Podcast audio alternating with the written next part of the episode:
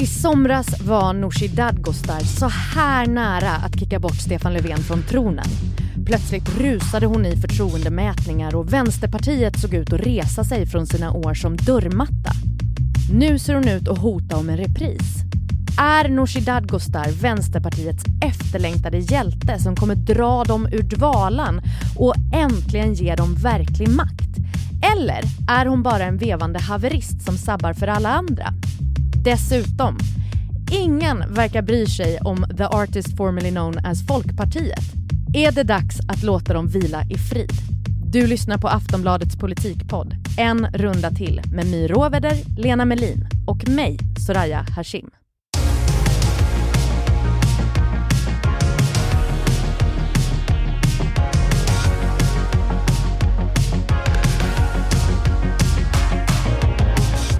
Hörrni, det är så himla mycket som händer i politiken nu. Är, är, det, är det de här dagarna som gör ert jobb extra kul? Inte just nu skulle jag vilja säga, för nu går man ju på något vis och vankar och undrar vad som ska hända. Okej, okay. nu är det så dagarna innan julafton. Mm. Stormens öga. Mm. Um, det är ju en händelserik vecka där uh, Socialdemokraterna och Vänstern har stått i centrum. Men var är vi precis nu? Nej, men just nu så sker det ju förhandlingar och eh, Magdalena Andersson har ju fram till på måndag att återrapportera till talmannen, så jag skulle gissa att det sker väldigt intensiva förhandlingar. Mellan S och V? Ja. Och vilka utgångar kan det här få? Vad, om vi liksom ska sia lite i spåkulan? Ja, att Magdalena Andersson blir statsminister. Den enda utgången som detta kan få? Ja, nästan. Ja, ni, jag, jag, ser inte att ni liksom går i taket över pepp här. Det känns som att det är väldigt tydligt för er vad som händer nu. Ja, men, det, det, men, det, kan ju vara en lång sträcka fram till dess, men jag är helt övertygad, precis som My, att det här kommer att sluta på det viset, därför att inte bara är det så att uh, Ulf Kristersson lite har siffrorna emot sig, utan det är också så att han själv har sagt att jag har ingen lust med det här just mm. nu, utan jag satsar på att bli statsminister efter valet. Och ja, det är klart att man kan ju släpa folk till galgen, men varför släpa någon till statsminister uh, taburetten? Det verkar ju onödigt. Mm. Men, men eh, samtidigt, alltså bromsklossen i vägen här eh, är ju, eh, som jag förstår det, Nooshi Dadgostar. Eh, och jag tänkte vi ska prata lite om hennes roll i det här. Vad, vad tycker ni om hennes taktik hittills i de här förhandlingarna som har varit? Ja, hittills tycker jag att hon har varit mysti mystisk eftersom hon, hennes kravlista har varierat både i längd och i prioriteringar. Men nu det senaste, alltså den här veckan har hon hållit sig till, åtminstone till samma prioriteringar. Tycker du hon är lite eh, flängig? Eh, svårtydd. För att det är ändå så att i en, i en förhandling så måste man ju berätta vad man tycker är viktigast. Mm. Men nu har hon ju samlat sig till det vad jag förstår, om hon inte ändrat sig sedan hon sist visade sig för allmänheten. Eh, men jag undrar så här, vad är taktiken? Det är ju rätt stor skillnad ändå. Man kan ju jämföra med somras, men det är väldigt stor skillnad för att då var hon ju otroligt tydlig med vad hon ville. Alltså hon bottnade i bostads och hyresfrågan. Mm. Partiet visste vad de ville. Hon visste vad de ville. De hade liksom externt stöd från Hyresgästföreningen. Ingen behövde gissa sig till, som Lena sa, vad kraven var, vad det får för konsekvenser. Liksom. De får igenom sina krav Kommer det vara nya krav då eller vad får det för konsekvenser? Det var väldigt tydligt i somras. Och nu är det ju mer också ett litet, har varit ett hopplock av frågor. Det känns som att hon har behövt liksom gå flera delar av partiet till mötes och plockat upp frågor som är viktiga för olika delar av partiet. Och det har varit väldigt svårt Men att veta. Är det inte rimligt ändå att hon kräver någonting för sitt stöd till S? Ja, man, ja det, jo det kan man tycka. Uh, och, och hon hänvisar också till, alltså Nooshi Dadgostar hänvisar till Centern och Annie Lööf som har då förhandlat under väldigt lång tid och då tycker hon att då ska de förhandla väldigt lång tid även med Vänsterpartiet. Men så, alltså den här äh, Dada Hink och spaderättvisan, den finns inte. eh, utan eh, jag tror hon får nöja sig med lite kortare tid. Alltså viktigast för Vänsterpartiet är ju ändå att de får så att säga inflytande över politiken överhuvudtaget och inte är satta avskärmade i, i ett hörn. Mm. Och det, det, det, tror jag att hon måste uppnå för att eh, kunna acceptera en, en, någon slags överenskommelse med Magdalena Andersson. Men hur arga är sossarna nu då? Nej, men jag, jag, tror inte att de är särskilt arga, utan de inser ju att situationen är annorlunda än i somras. Och då, då hade vi en regeringskris som gick ut på att, eh, att eh, Vänsterpartiet tyckte illa om ett utredningsförslag och sen eh, tyckte den högeroppositionen att oj, oj, oj, nu kan vi komma åt regeringen genom att hoppa med mm. Vänsterpartiet i det här kravet att, att uh, Stefan Löfven ska avgå, trots att vi tycker det här utredningsförslaget är toppen. Men nu är det ju ett annat läge. Då finns inte januariavtalet. Uh, det, uh, regeringen har ett samarbetsparti och det samarbetspartiet har inte lovat jättemycket mer än att se till att Stefan Löfven blir statsminister eller hjälpa till med det. Mm. Och då, då, är det klart att då, då kan ju viljan från Socialdemokraterna och regeringen vara lite större att gå till Sverigedemokraterna, eller förlåt mig, förlåt mig, Vänsterpartiet till mötes. Ja. Och det är också så att man har ju inte det här januariavtalet som uttryckligen, uttryckligen eh, sa att man skulle isolera Vänsterpartiet liksom Sverigedemokraterna. Det roliga på kongressen för två veckor sedan, det var att det i särklass vanligaste frågan man fick av socialdemokrater, det var vad vill Vänsterpartiet? Vad tänker de? Vad håller de på med? Eh, alltså så det finns ju också en viss irritation, men, men Magdalena Andersson har ju en helt annan inställning. Den är ju mycket mildare och inkluderande än vad Stefan Löfven har haft. Ja men för jag tänker det, det är väl inte konstigt om Socialdemokraterna är lite frustrerade nu när Nooshi kommer igen och bara nej nej stopp, nu vill jag de här sakerna. Jag, alltså de är ju, Magdalena Andersson är ju slipad politiker. Det är klart hon är inte förvånad över att det kommer krav från Nooshi Dadgostar i det här läget. Nej. Då vore hon ju inte slipad. Om vi spolar tillbaka bandet då några månader till i somras eh, när hon hotade då med att släpa ut Stefan Löfven med, med fjunen ur Sagerska. Vad, vad fick ni för bild av henne då? En bild. Hon var ju väldigt anonym innan dess. Alltså jag, jag tyckte att hon var oresonlig, måste jag säga. Jag tycker inte att det är rimligt att kräva en regerings avgång på ett utredningsförslag som den precis har fått på sitt bord. Nej men berätta mer om det, för du, du var ju lite hård mot henne då under den perioden. Var, varför var du det? Ja, av det skälet att jag tycker inte att man kan kräva, kräva en regerings avgång på ett utredningsförslag som nyss har landat på regeringens bord, som de inte knappt har hunnit läsa, ännu mindre skicka ut på remiss och behandla i regeringskansliet och lägga fram ett förslag eller eh, på, som, som så småningom ska landa på riksdagens bord. Det är, jag, jag tyckte att det var orimligt. Mm. Däremot så tycker jag såklart inte att det är orimligt att tycka att utredningsförslaget var tokigt som Nooshi Dadgostar tyckte. Det står ju var och en fritt. Men hon hon, hon utkrävde ett ansvar av regeringen som jag inte tycker att de hade i det här fallet, än. Håller du med om det, Mi? Absolut. Att det var orimligt? Ja, men det är orimligt, orimligt, men det var ju på väldigt lösa grunder. Det handlade ju om någonting helt annat. Jag håller med om Lena. Det fanns ju liksom ingenting som sa att det där utredningsförslaget skulle bli praktisk politik, utan det handlade ju om att desarmera januariavtalet. Mm. Eh, det var ju väldigt mycket åsikter om henne kring den perioden där i somras och en som jag fastnade vid var det här med att hennes politiska motståndare, bland annat Jimmy Åkesson och Moderaternas tidigare presschef Niklas Gillström, sa att eh, hon står upp för sina väljare och är äkta och Alice Teodorescu sa till och med att hon vitaliserar politiken. V vad tänker ni kring att de säger sådana saker om henne? Ja, de skulle inte ha sagt det om det hade riktat sig mot, mot Ulf Kristersson, det är jag helt säker på. var det skönt när liksom pilbågen var siktad mot Stefan Löfven? Är det ja, därför man har råd att säga det? Ja, för dem var det ju det, absolut, det tror jag. Ja. De kanske hade en önskan om att deras partiledare skulle stå upp för sina ideal. Hint, hint, blink, blink.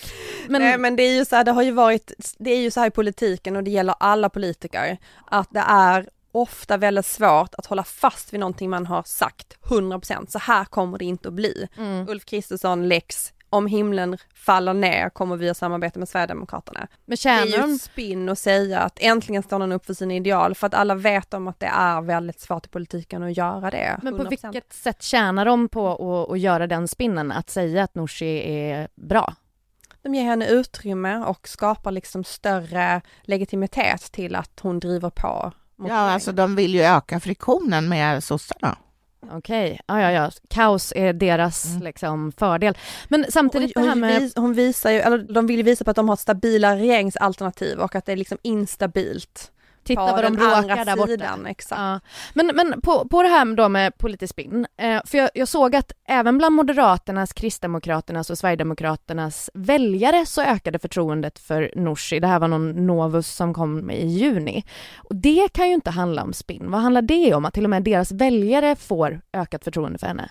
Men det, det, var, det handlade ju mer tror jag faktiskt om frågan, nämligen hyror. hyror. Ah. Och då var det ju så att Nooshi Dadgostar äh, hävdade helt felaktigt att tre miljoner hyresgäster skulle drabbas av hyreshöjningar och många skulle tvingas att lämna sina hem. För det första så, så handlar det ju här absolut inte om de tre miljoner hyresgäster som finns för närvarande eller de tre miljoner människor som bor i hyreslägenheter, utan eh, det, det handlar om de som kommer att flytta in i ny, eller det handlade om de som skulle flytta in i eventuell nyproduktion. Så i bostäder som inte finns ännu? Ja, som inte fanns då och inte finns det nu heller. Mm. Det var ju skrämseltaktik utan like. Och det är klart att då eh, är man då hyresgäst så tänker man herregud, ska jag nu drabbas av en chockartad hyreshöjning när jag bor här i min lilla trevliga 50-talsområde utanför Linköping? Men, men alltså vänsterpartister verkar ju älska det. Tycker de också att det bara är... Ett... Ja, jag vet inte, de är, då, då, då kanske de inte har satt in i frågan. När man såg det som hände i somras när Nooshi stod där i talarstolen och citerade Tage Erlander och hade sån himla feeling. Det finns många uppgifter som är för stora för den enskilde att klara på egen hand, men som kan lösas om vi går samman. De enskilda bygger upp organisationer för att på samverkans grund hävda sina intressen. De behöver stöd då, då kändes det ju ändå att det här är inte ett parti som tänker agera dörrmatta. Men är det inte dörrmatta som de har fått vara under alla dessa år? Alltså även när de var stödparti åt eh, Göran Persson och hans minoritet, minoritetsregering? De ingick ju, förlåt, nu, nu, nu, de ingick i regeringsunderlaget mellan 2014 och 2018. Ja. Så att då budgetförhandlade de på ett riktigt vis. Men vad fick alltså, de ut av det? Ganska mycket skulle jag vilja säga. Säg en sak. Ja, massor med saker på vårdområdet. Okej, okay, mm. typ? Typ, eh, alltså jag är så dålig på sådär, men typ att det blev gratis att gå till en vårdcentral om de har 85 plus. Alltså de riktade in sig på ganska eh, billiga frågor som ändå är väldigt betydelsefulla för de människor det angår. Det, det var ju en smart taktik. De fick ju med igenom mycket på den typen av områden. Var det under den här perioden det också var så glasögon för barn? Ja, gratis glasögon för barn? Ja. Så gratis medicin till barn också ingick mm. där. Ja. Och sen så är det också mer pengar till välfärden. Nu är det ju väldigt många partier som brukar eh, ta på sig att de har varit med och förhandlat fram mer pengar till välfärden, så det är väl kanske en öppen dörr. Ja. Men det var ju också ett stort välfärdspaket som presenterades under de här liksom budget, efter de här budgetförhandlingarna. Men sen kom då Stefan Löfven och, och stängde dörren för, för Jonas Sjöstedt och eh, regeringssamverkan där 2014. När vi kommer upp till Stefan Löfven så får vi omedelbart beskedet. Och det är utan att någon som helst diskussion har skett i sakfrågor eller villkor eller utformningen så att han inte är intresserad av att regera med Vänsterpartiet. Eh, Lena, du var ju där när, det, när Jonas liksom pratade om detta. Nej, men han blev ju jätte, jätteledsen. Jag tror att de hade verkligen innerst inne hoppats på att de skulle få en plats i regeringen och det hade ju Jonas Sjöstedt uttalat som ett mål också under, under valrörelsen. Mm. Men han blev så ledsen så att det liksom ja, tårarna inte direkt trillade, men de trängde ändå fram när han eh, hade en presskonferens efter det här beskedet från Stefan Löfven som kom direkt efter valet, alltså dagen efter helt enkelt. Men istället sen så fick ju eh, så formaliserades ju ett budgetsamarbete mellan eh, den SMP-regeringen och V. Mm. Och efter det kom ju då januariavtalet 2019 Uh, och i det fanns ju någonting som i folkmun kallades för förnedringsklausulen, som innebar att V inte skulle ha något politiskt inflytande alls. Uh, och i, som SD. Precis som SD, precis. Och i, i samband med det här har det ändå funnits en retorik från högerhåll upplever jag som har buntat ihop Vänsterpartiet med SD som ett ytterkantsparti och att det pratas om dem då och då som extrema. Va, vad finns det för syfte med det?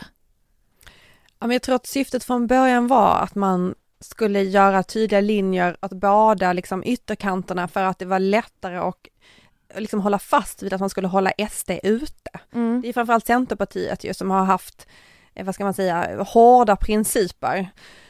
eh, kring de här ytterkantspartierna. Men sen har den här principen mjuknat med tiden mot Vänsterpartiet. Alltså det är ju en annan relation till Vänsterpartiet. Så, och de grundas också på två olika saker. Så här, principen mot SD handlar ju liksom om, om liksom existentiellt en existentiell princip, att man inte ska släppa in en sån en nationalistisk eh, liksom högerparti i till makten. Mm. Mot Vänsterpartiet handlar det mer om ideologisk motsättning, att man står så otroligt långt ifrån varandra liksom i den ekonomiska politiken, där Centerpartiet är så väldigt liberalt och frihetligt. Och det är ju inte Vänsterpartiet, själva grunden till Vänsterpartiet är ju liksom en stark stat och fördelningspolitik. Så det finns ju liksom två olika motsättningar. Men sen så finns det ju inte riktigt, det är ju mjuka mot Vänsterpartiet och en del i det är ju att man i de, nästan alla partier vid någon plats i Sverige, alltså liksom lokalt, samarbetar ändå med Vänsterpartiet. Så det finns ju en helt annan relation uppbyggd med Vänsterpartiet än med SD. Kan det inte ha att göra med också att de har varit med längre? Att liksom, för, ha, har de alltid setts som så himla ytterkant? De har ju varit ett ytterkantsparti, ett mycket, mycket mer ytterkantsparti. Jag menar det är ju inte jättelänge sedan de tog bort liksom kommunist Nej. i sitt partinamn. Så att det är ju klart att de har ju också gjort en resa och det är ju även om man har liksom gått snabbt in mot jag kan inte säga mitten, men bort från den historien under de senaste åren så finns det ju ändå kvar i partiet. Ung Vänster till exempel driver ju fortfarande liksom kommunistiska eh, tankar, ska man säga. Jag tror att de till och med har kommunistiskt med någon slags i sina parti, eller sina texter. Mm. Eh, så det är ju klart att det inte är eh, Nej men att det är klart att de har varit ett ytterkantsparti också. Okej, men vem är det som tjänar på att sätta SD och V i samma båt? Alltså det, det som drev på det mest att den här formuleringen skulle in i januariavtalet var, var ju Liberalerna. Men man ska inte glömma bort att Socialdemokraterna har ju också väldigt Eh, så att säga, historiskt svårt för Vänsterpartiet. De, de eh, kan ju fortfarande prata om hur, hur de liksom jagade ut kommunisterna från fackföreningarna eller fackförbunden eller fackklubbarna och eh, att man höll rent åt vänster och sådär. Så att det, mm, det finns ju e-, en sån ådra även inom socialdemokratin. Så vem, när då Liberalerna är, är de som liksom mest har tryckt på det här att, att ingen av dem ska få något inflytande. Vad, vad beror det på för Liberalerna, eller varför? Jag tror att uh, den där formuleringen i, i januariavtalet, det tror jag handlar mer, mer om att, mm. att inte så att säga särskilja Sverigedemokraterna, att ge dem den tjänsten att de, de fick en egen lite skamvrå, utan stoppa in ett parti till där. Mm. Mm. Så V går då från att ha lite att säga till om till att inte ha något alls att säga till om och upplever sig bli överkörda då gång på gång. Så i den positionen som Nooshi har från att hon har kommit in, kan man inte förstå det hon gjorde då i, i talarstolen där i somras? Alltså jag tycker det var på helt fel grunder. Ja. Alltså det här är ju inte första gången Vänsterpartiet inte får vara med. Utan jag skulle egentligen säga att det är den här tiden 2014 till 2018 som är undantaget i relationen med Vänsterpartiet när det kommer från liksom regeringsmakten. Mm. För att jag menar Göran Persson har ju Ja, han, han uteslöt ju dem på många sätt och liksom hade diskussioner med dem och svek dem på olika sätt. Och jag menar, om man, jag, för jag lyssnade tillbaka på några klipp från början av 2000-talet och redan då säger de så här, vi ska inte reduceras till ett stödparti, vi ska inte låta oss hunsas, det ska Socialdemokraterna inte få för sig. Och jag menar, det är ändå men då ska man ändå komma ihåg att just 2002 till 2006 så hade den dåvarande socialdemokratiska regeringen ett avtal med Miljöpartiet och Vänsterpartiet som kallades 122-punktsavtalet där de hade 122 punkter som, de skulle, som de skulle beta av. På en där de inga fler punkter eller? Um. men, men alltså kan man inte ur något slags mänskligt perspektiv ändå förstå någon som blir puttad på, puttad på, puttad på och så till slut får den chansen att putta tillbaka och så gör den det även om det då skulle vara på knasiga ja, grunder. Men sån är ju politikens spelregler. Alltså har man... politik handlar ju om att skapa... Det är ju väldigt sällan som ett parti får över 50 procent. Ja. Eh, alltså så måste man skapa sig allianser för att få ett verkligt inflytande. Och, då, och är man inte med i någon allians så är man inte. Nej. det, det finns inte sannaste jag mänsklighet i politiken på det sättet. Nej, jag tycker det verkar orättvist, men ja. Så vad säger ni då om Nooshi? Är hon Vänsterpartiets efterlängtade hjälte och helgon eller är hon bara en härjig, härjig haverist? Jag tror nog det beror på vad man frågar. Jag, jag frågar dig, vad tycker du? Ja, nej, jag, då, då, tänker jag om jag var vänsterpartist, alltså aktiv i Vänsterpartiet, då tror jag att jag skulle tycka att hon var jättebra. Mm. Men du tycker? Ja, eh, nej men som jag sa, jag tyckte det där, det där i somras tyckte jag var helt fel grej, alltså vid fel tillfälle. Men att, att Vänsterpartiet nu, i den här situationen som vi befinner oss nu, eh, försöker så att säga tala om att vi kommer inte sitta overksamma i en vrå. Eh, det, det förstår jag, det skulle jag nog också göra. Däremot tycker jag kanske inte att hon har skött det här något vidare med tanke på vad vi sa här i början, att jag suddig kravlista och man har inte förstått det hela riktigt. Men att man försöker flytta fram positionerna, det förstår jag. Mm. Vad säger du My? Hjälte eller helgon eller haverist? Ja, jag tänker att man kan vara både ett helgon och en haverist om man tänker att haveristen är en aktivist. För det är ju ändå det. Det visste Vänsterpartiet när man valde henne som partiledare också, att myllan hon kommer från är liksom aktivistiska myllan. Eh, och just hon kom ju från liksom det här med hyres rättning. Hon, hon kommer ju från liksom aktivism kring att inte sälja ut allmännyttan. Mm. Så att just hyresfrågan, där bottnade hon ju på ett helt annat sätt. Så på ett sätt är det ju så att det här är ju ett nytt territorium för henne att förhandla politik bredare. Så att hon började liksom där hon var trygg och nu så är hon lite mer all over the place.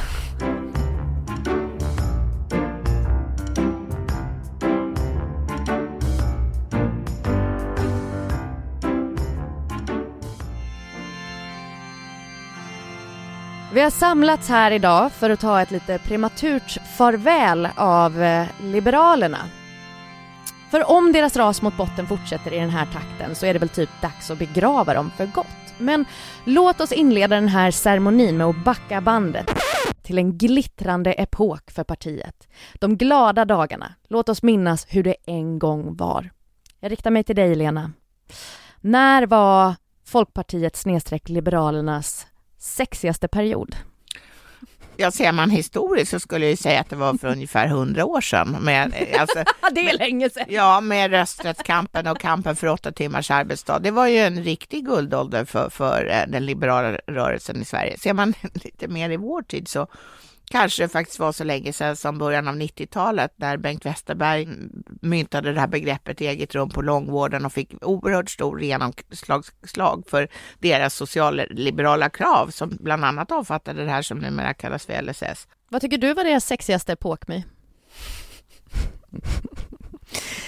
ja men det som är så intressant med Liberalerna det är ju att de verkligen, det här med att vara liksom splittrade och ha öppna konflikter, mm, att det, är, är deras grej och det är ju, jag vill ändå hålla flaggan för högt för det i politiken med transparens, att det är ju både intressant och modigt mm. från ett parti att ha så öppna sår ut mot allmänheten. Mm. Um, jag tänkte du var inne på Bengt Westerberg här Lena, um, han, han skrev ju också in sig i historieböckerna när han reste sig från soffan och gick ut ur rummet när Ny Demokrati kom in. Men nu är Liberalerna redo att samarbeta med SD, vilket ju är en enorm svängning för ett parti väl? Ja, den har ju gått ganska fort. De var emot det fram till i mars i år. Mm. Nu, äh, att samarbeta med Sverigedemokraterna och sen, är, sen dess är de inte. Nej. Och enligt dig My så finns det någon slags sliding doors moment för Liberalerna, ett vägval som kanske hade kunnat innebära eh, att Liberalerna hade befunnit sig någon helt annanstans nu. Ja det är nog inte bara för mig, det är nog för alla liberaler också. Ja. men det var ju att man valde mellan eh, Nyamko Sabuni och eh, Erik Ullenhag och inte valde Erik Ullenhag. Han stod ju för en helt annan linje. Han stod ju för den här linjen som de hade innan. Att man inte ska närma sig SD, att man inte ska samarbeta med dem på något sätt. Att de ska vara liksom ett mer frihetligt liberalt parti, alltså de här värdena de har haft i hundra år och som Jan Björklund också drev väldigt hårt. Men Nyamko Sabuni är ju en helt annan partiledare och det är ju hon som har drivit igenom den här linjen att man ska närma sig Sverigedemokraterna. Hon mm. har liksom överordnat det här med att man ska ha en borgerlig regering över de där andra eh, ingångsvärdena. Men, men de valde ändå Nyamko Eh, och det verkar med facit i hand hittills i alla fall kanske inte varit ett helt hundra beslut. Eller vad säger ni om henne? Man vet ju inte hur det hade gått med en annan partiledare heller. Alltså det är ju, Erik Ullenhag hade ju inte heller kunnat ena partiet om vi skulle ta honom som ett annat exempel. Ja. Eftersom det ser ut så här, det är splittrat i hur man ska göra. Eh, det enda egentligen de är överens om är väl att de vill se Ulf Kristersson som statsminister. Och frågan är liksom hur händer det? Alltså mm. Alltså hur går det till?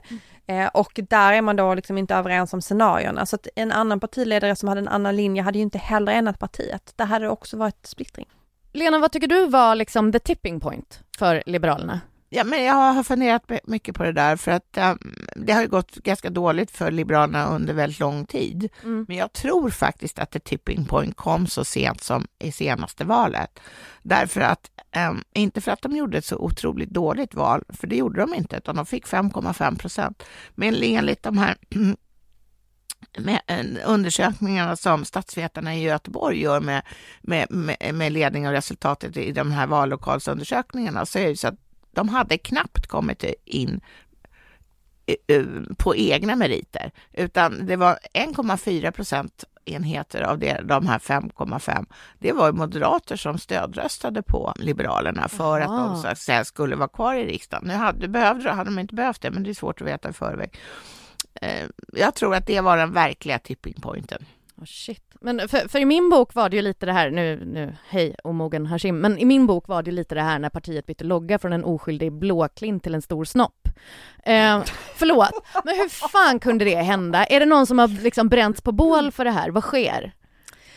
Eh, jag var tvungen att försöka friska upp mitt minne av hur det var under den här tiden och pratade med några som var med och eh, som beskrev det som att det var lite av den här grejen att man såg det, men man vågade inte säga någonting för Nej. man tänkte så här, är jag den enda som ser detta? Du skämtar! Och att det liksom gick så långt då till slut att det var liksom kejsarens nya kläder att man inte, att det liksom bara, det liksom gick igenom för att man inte riktigt såg det och man ville inte vara den med snuskig fantasi.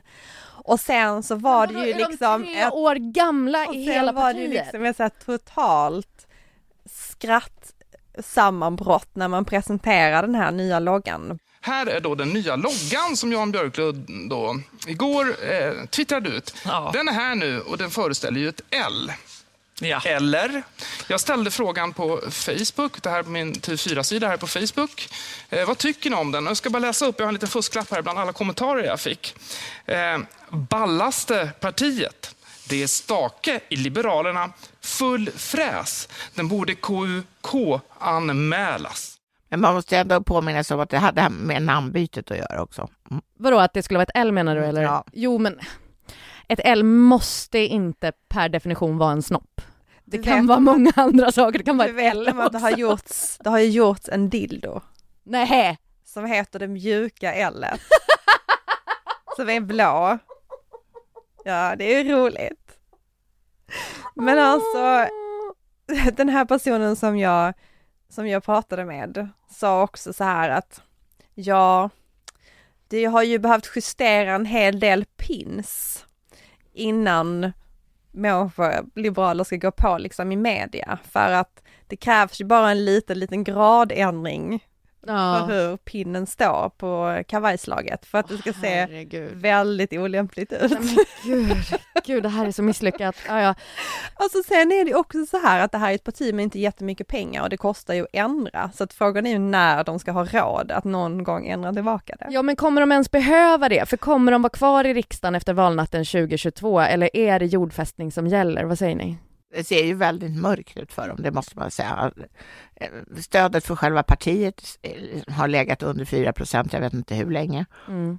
mm. Förtroendet för Nyamko Sabuni är det sämsta bland alla partiledare i riksdagen. Mm. De har tappat sin eh, paradfråga skolan, finns knappt med på, eller de finns inte ens med på tre i topplistan där på väljarnas lista över liksom vilka som har den bästa skolpolitiken. De låg de alltid i topp. Mm. Ja, det, är... det är organ efter organ som lägger av här i liberalkroppen.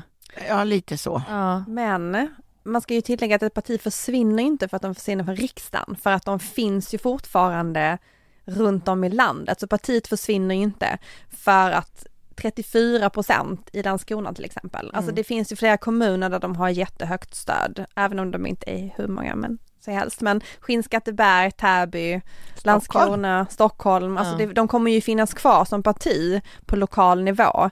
Och sen så får jag ändå säga att det känns ju deppigt, alltså det här är ju ett parti som har funnits sedan innan demokratins införande i Sverige. Ja. Alltså det har ju, det, det, är ett parti med otroligt liksom långa och så historiska anor ändå. Som Lena sa innan, de har ju varit med, de, de var med tillsammans med Socialdemokraterna och införde den allmänna rösträtten i Sverige.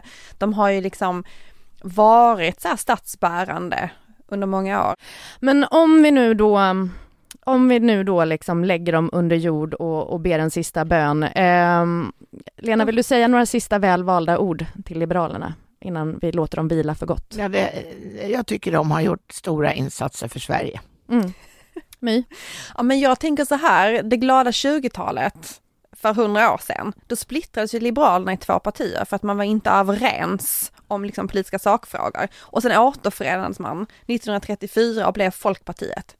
Ja men det kanske är dags, man kanske ska splittras i två partier, söka sin egen själ mm. och återförenas om några år. Ta tillbaka blåklinten, släppa snopploggan. En snopplogga, en blåklint mm.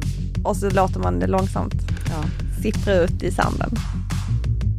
Aftonbladets politikpodd En runda till är slut för den här gången. Vi som har gjort programmet är producent Olivia Svensson, experter My Råveder och Lena Melin. Jag heter Soraya Hashim. Glöm inte att trycka på prenumerationsknappen så får du en liten signal när vi är tillbaka igen. Ha det fint, hej hej!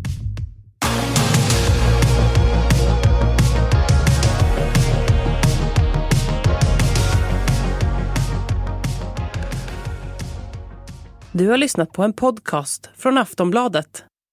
Ansvarig utgivare är Lena K Samuelsson.